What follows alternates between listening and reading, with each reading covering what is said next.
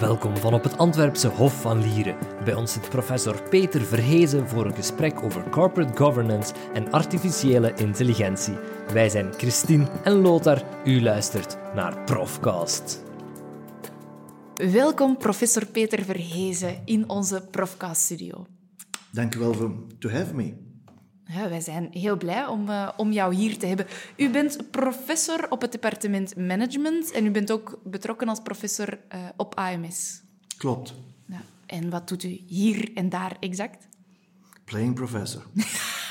um, ik, ik, geef dus een aantal vakken hier op, uh, op, op het departement Management.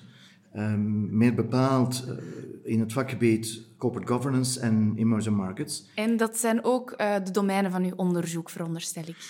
Ja, mijn, eigenlijk mijn onderzoek um, gaat vooral over corporate governance en initieel over business ethics.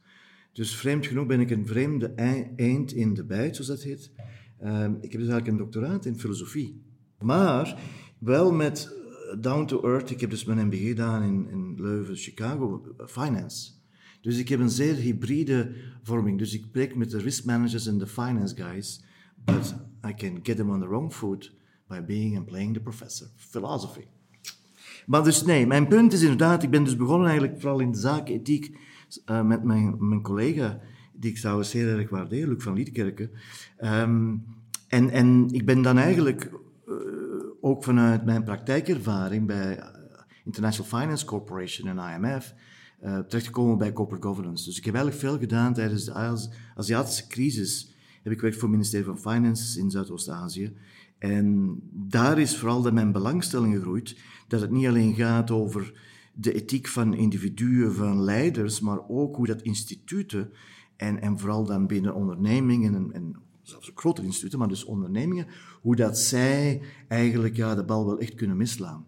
En dus eigenlijk mijn vakgebied, uh, academisch gesproken, is eigenlijk echt uh, corporate governance. Bijvoorbeeld, over ethiek gesproken, ik gebruik het woord ethiek nog zelden, omdat de, de ethiek, ik, was bij een, ik, ik, was voor een conferentie op IMD Lausanne een aantal jaren geleden en ik, ik herinner mij dat ik in discussie ging met de mensen en zij hadden al hun vakken ethiek omgezet en ze noemen dat nu responsibility. Omdat ethiek een geladen woord is voor bedrijfsmensen. Ik ga nog een stap verder ik, als het over corruptie gaat, hè, wat heel te maken heeft met ethiek, dan ga ik het vooral hebben over risico. En dat ligt mij ook nauwer aan het hart, dus, want dat is, dat is eigenlijk waarom, waarom het gaat. Een boord gaat niet ingaan op ethiek als dusdanig, maar zal wel luisteren als het gaat over risk, risico. Want dan, it will touch your bottom line. En ethiek is daar natuurlijk heel duidelijk mee verbonden, de reputatie. In Zuidoost-Azië werd Peter onder andere geconfronteerd met corruptie. Ik heb geleerd dat, dat je onderscheid moet maken tussen wat ik noem de petty, de petty crime, de petty corruption, waar politieagenten jou uh, geld vragen uh, en dat gaat, dan, dat gaat dan nooit over veel geld. Uh, maar goed, het gaat over geld en eigenlijk op een illegale manier en ook op een immorele manier. Maar je moet, en dat is toch wel belangrijk, je moet de context begrijpen. Als je weet dat een politieagent 300 euro, euro verdient per maand en hij heeft drie, vier kinderen en hij leeft in een stad zoals, zoals Bangkok of zoals Jakarta, dan kom je er amper met 300 euro. Overleef je gewoon niet. En wat doe je dan? Ja, waar het gewoon is. En dus, ik, heb, ik, heb, ik was altijd... Ja, ik, ik, had het zeer moeilijk daarmee. Maar aan de andere kant begreep je dat ook. En uh, Clayton Christensen, van Haver, dat is zijn laatste boeken eh, over innovatie, heeft daar iets heel moois over gezegd. Corruptie is eigenlijk een vorm van innovatie om mensen te doen overleven. En als de politici en de leiders van het land niet in staat zijn instituties te creëren waarbij ze inderdaad niet uh, self-interest als, als leidraad doen gelden, maar, sorry, waar, waar alleen maar self-interest uh, zou, zou, zou plaatsvinden. En niet waar instituties voor dienen, namelijk uh, common, policies en noem maar op. Wel nu, dan mag je niet verwachten dat mensen, om gewoon te overleven, zich gaan gedragen naar die mate. en, en gaan dus ja, zich corrupt gedragen. Zeker als de leiders ook niet altijd even ethisch zijn. Uh, dus dat is één zaak. Uh, uh, maar de tweede zaak, en dat is degene die mij natuurlijk wel frustreert, de grote corruptie waar ik het over heb, namelijk dat zijn directeurs van, van, van grote ondernemingen of, of, of instituten zoals capital markets, en ik wil geen namen noemen, in die landen, waar ik, ja goed, ik heb bijvoorbeeld een contract van 10 miljoen verkocht. Ja, je kan me voorstellen ja, dat, dat, dat, dat, dat die mensen wel, they want a piece of the pie.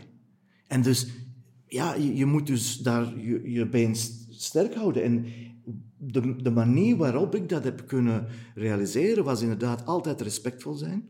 Zelfs na die mensen die proberen.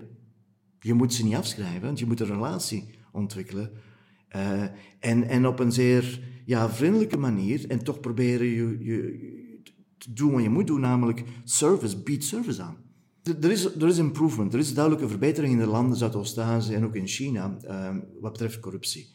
Maar, maar het blijft dus wel aanwezig. Maar dat heeft ook te maken, zoals ik trouwens ook in mijn cursus altijd zal zeggen, um, you have corruption because there's a lack of good functioning institutions. Je kan veel zeggen over Amerika. Uh, je, je, mag het eens of oneens zijn met de presidenten die daar zijn, maar de instituten werken wel. En ook in Europa. Wel nu, dat kan je dus niet zeggen in Azië. En zoals Lee Kuan Yew van Singapore altijd heel duidelijk zei, um, we, we have corruption, we have, uh, we have Guangxi, we have networks, we have social capital, or we need social capital, um, because we don't have proper functioning institutions. Uh, Singapore bijvoorbeeld, zijn ministers worden 1 miljoen betaald, 980.000 Singapore dollars per year.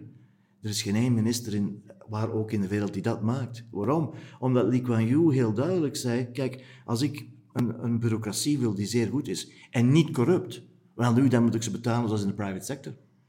Prime minister maakt meer dan 1 miljoen. Biden makes 200, hij verdient 285.000. Dus dat is vier keer minder als de prime minister in Singapore.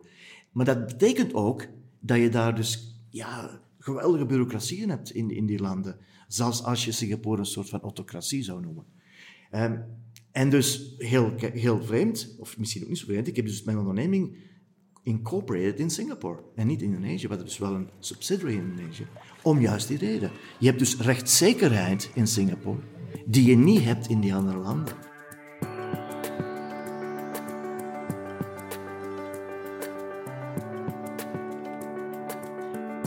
Peter Verhezen werkt aan een boek over artificial intelligence. De invalshoek is tweeërlei. Eén, hoewel ik helemaal geen techneut ben, ik ben zelfs heel onhandig.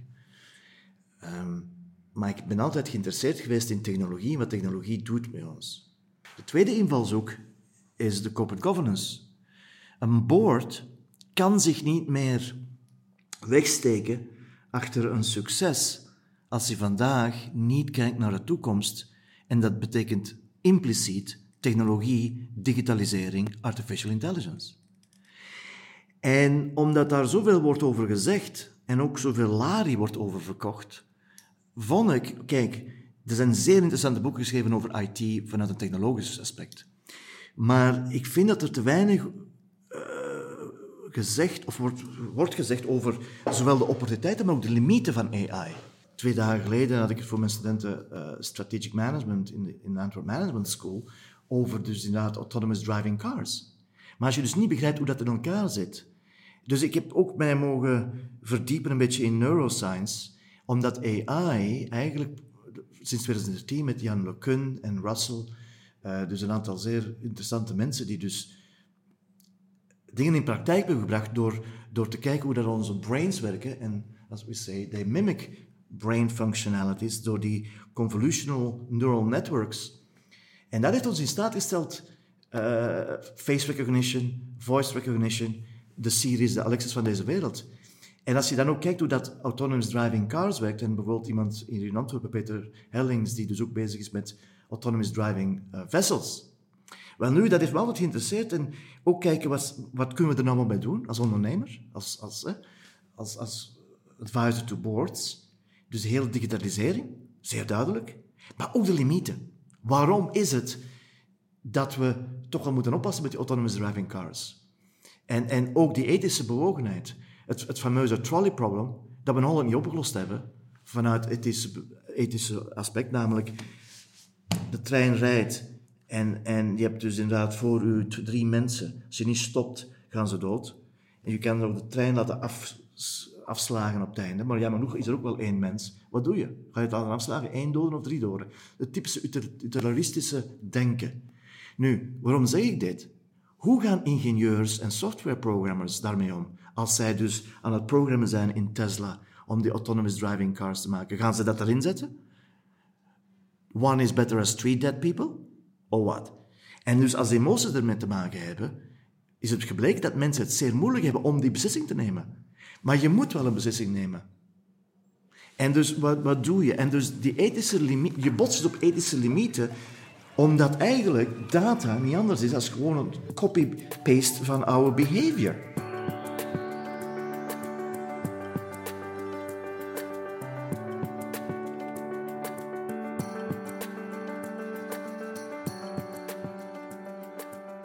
Uh, een aantal jaren geleden heeft Microsoft dus zo'n bot gehad, een, een, een, een chatbot. Bot.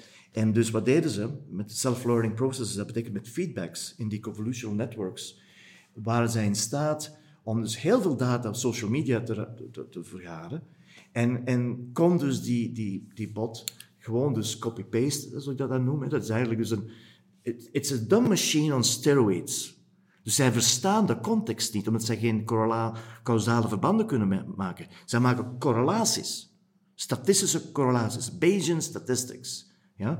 Dus zij zien patterns in all the data. Dat is wat eigenlijk AI doet. Prediction of. Um, maar dus in, in, het geval van, van um, zeg eens, um, ben het draad even kwijt. Microsoft, inderdaad. Uh, wat, wat deed die, die, dat, die AI? Die vergaarde zoveel data. Maar natuurlijk op social media, alles mag. Dus ook scheldwoorden. Dus ook dat pikte zij op. En na een aantal weken was dat die chatbox zo rauw, onethisch, racistisch geworden, dat ze er moeten van afhalen. Dus met andere woorden, een, een, een AI-systeem begrijpt niet de context, weet niet de sensitiviteiten. Wat mij als cross-cultural, uh, laten we zeggen, niet expert, maar dus geïnteresseerde academicus wel interesseert, namelijk, hoe kan je nou die fouten maken? Wel, nu heel eenvoudig. Wij worden geleerd als baby die context te begrijpen. Een computer kan dat niet. Uh, Google die zegt uh, in 2048 singularity. Uh, computers gaan even, even intelligent zijn als mens. Forget it, science fiction. Waarom? En dat, ik, ik, ik, ik, I'm quoting Julia Pearl, die dus mathematica en, en AI doseert in UCLA, zegt heel duidelijk, en daar ben ik het dus echt wel mee eens, als een robot even intelligent zou worden als een mens, dan veronderstelt dat self-awareness of awareness of the context, if not consciousness. En dat is een filosofische problematiek die ik niet onmiddellijk opgelost zie. En dus die singulariteitsprincipe, waar dat dus de, de, de, de computer, de robot even slim zou zijn, wat ze dus noemen General Artificial Intelligence, binnen dit en twintig jaar, zie ik echt niet gebeuren. Het kan misschien wel gebeuren, maar dat gaat veronderstellen twee dingen. Eén, consciousness, self-awareness en inderdaad ook toch wel een causale relaties kunnen stellen. En dat doet de computer niet. Dat is waarom we in statistiek ook doseren. Correlaties is niet hetzelfde als causaliteit. Statistics 101. Wel nu, degenen die er bewezen zijn, die weten dat natuurlijk wel. Maar dus mensen hebben dan het idee, ze gaan ons job afnemen. Ja, bepaalde jobs gaan verdwijnen. Maar al wat hier wordt gedoseerd, management en, en, en creativiteit, is iets wat een computer binnen dit en de, de volgende twintig jaar niet gaat doen. Zelfs nu zijn er in, in, in Silicon Valley ondernemingen bezig met het kopiëren van emoties. Maar die emoties is ook niet anders als het kopiëren van bepaalde gedragen, gedragshoudingen uh, van, van mensen. Dat betekent niet dat die computers het echt wel begrijpen. Probeer maar eens met je serie een grap te maken. En je zult zien wat er gebeurt.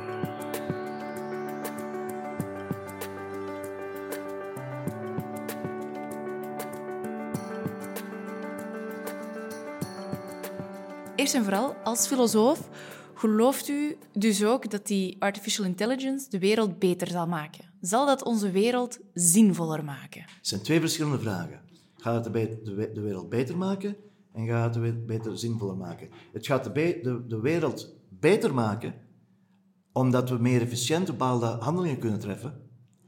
Of dat het de, de, de wereld zinvoller kan maken? Nee. Om de dood eenvoudige reden dat artificial intelligence geen zinvragen kan stellen. Zij kopiëren een bepaald gedrag.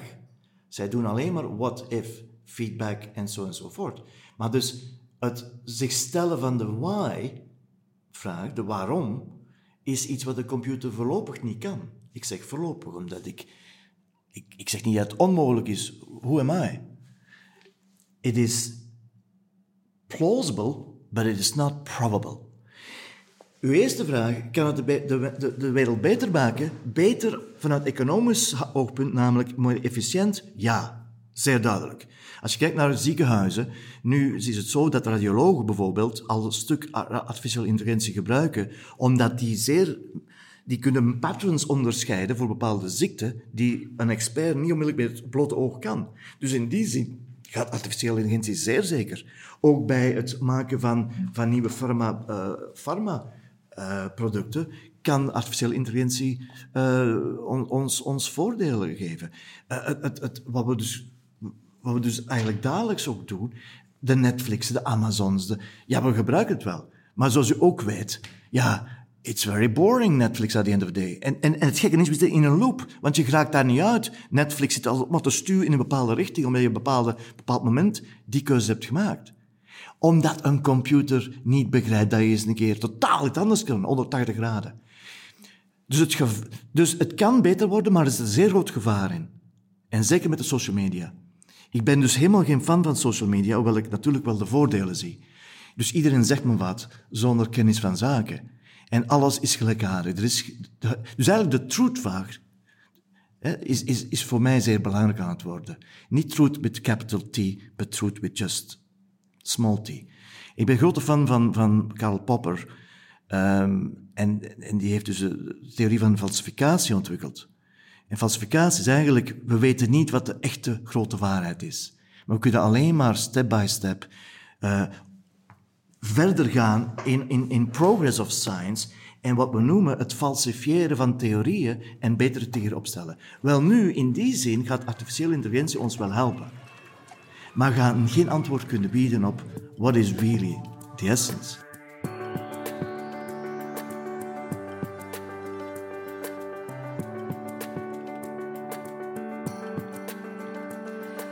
Via artificial intelligence krijgen we de wereld mm, steeds maar beter onder controle. Is dit een reden om ons zorgen te maken of kan artificial intelligence ook een deel van deze problemen oplossen? Kijk, en hier opnieuw, hier gaat uw mensbeeld uh, determineren hoe dat je die vraag beantwoordt. Als je vanuit gaat dat de wereld, zoals Descartes 200, 300 jaar geleden dacht, de wereld en de mens is een mechanisme zoals een horloge. En we kunnen het beheersen. Ja? Dan gaat artificiële intelligentie een zeer belangrijke tool zijn om ons in daar te helpen deze wereld te beheersen. Ik persoonlijk, ik geloof veel meer in een soort van divine spirituality that escapes us. Ik bedoel daarmee, ik denk niet dat wij het enige levend wezen zijn op deze aardbol of in het heelal. Twee, ik heb een probleem met control freaks. En dat bedoel ik dan heel filosofisch. Ik geloof niet zozeer in het controleren.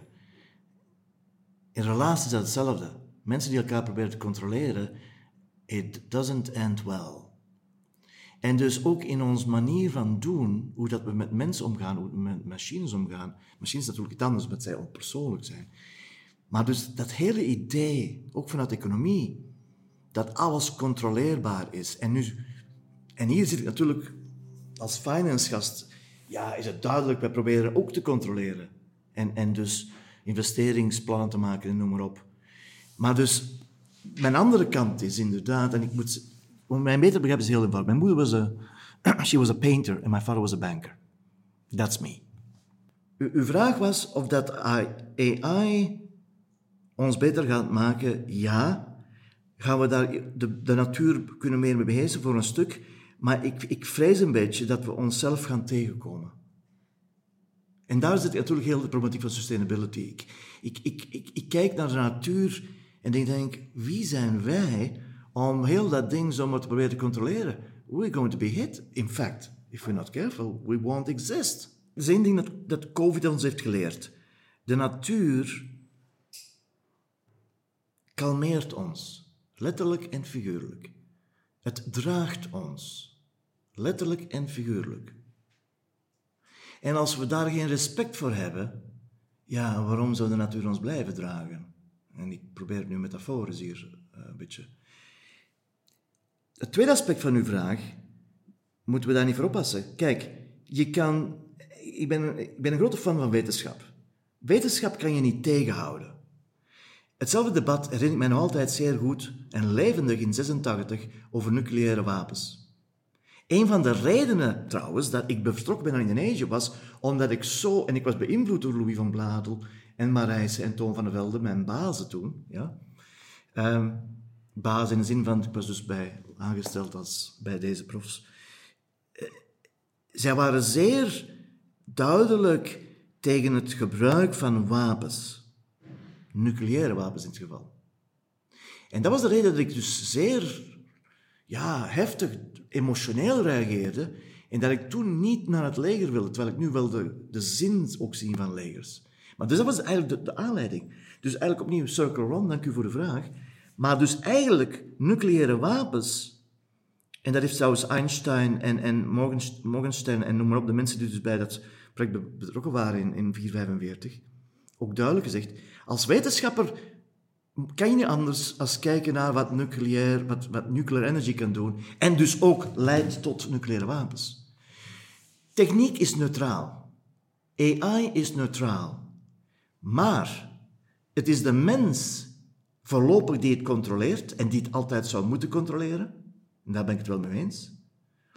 En dus het is de mens die bepaalt welke, direct, welke, welke, welke weg we gaan bewandelen met die technologie. Gaan we ze voor negatieve dingen gebruiken of positieve? Hetzelfde met drones. U weet dat drones nu eigenlijk dus heel wat mensen afschiet, as we speak. Nu, drones was nooit de bedoeling van dat. Drones gaan misschien ons helpen om ons pizza's van voor de deur af te... Dus technologie is neutraal. Maar het zijn de mensen die het natuurlijk misbruiken. En dus back to the people.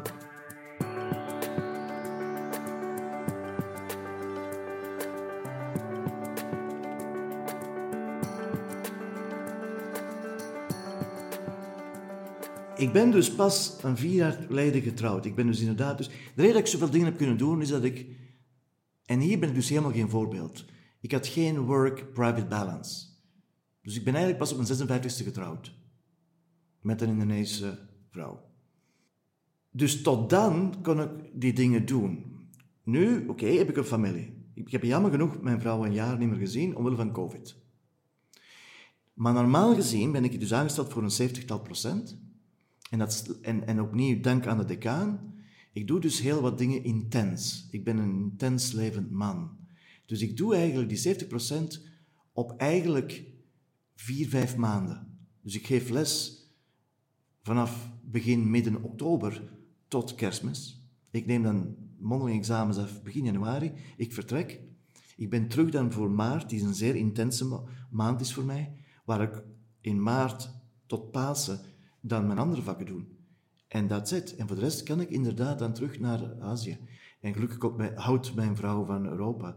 En dat is ook de reden dat ik denk op termijn vermoed ik een stuk terug mee naar Europa. Back to the roots. Dus ik heb 30 jaar afwezig geweest. En ik voel toch ook dat wij onwaarschijnlijke dingen aan te bieden hebben.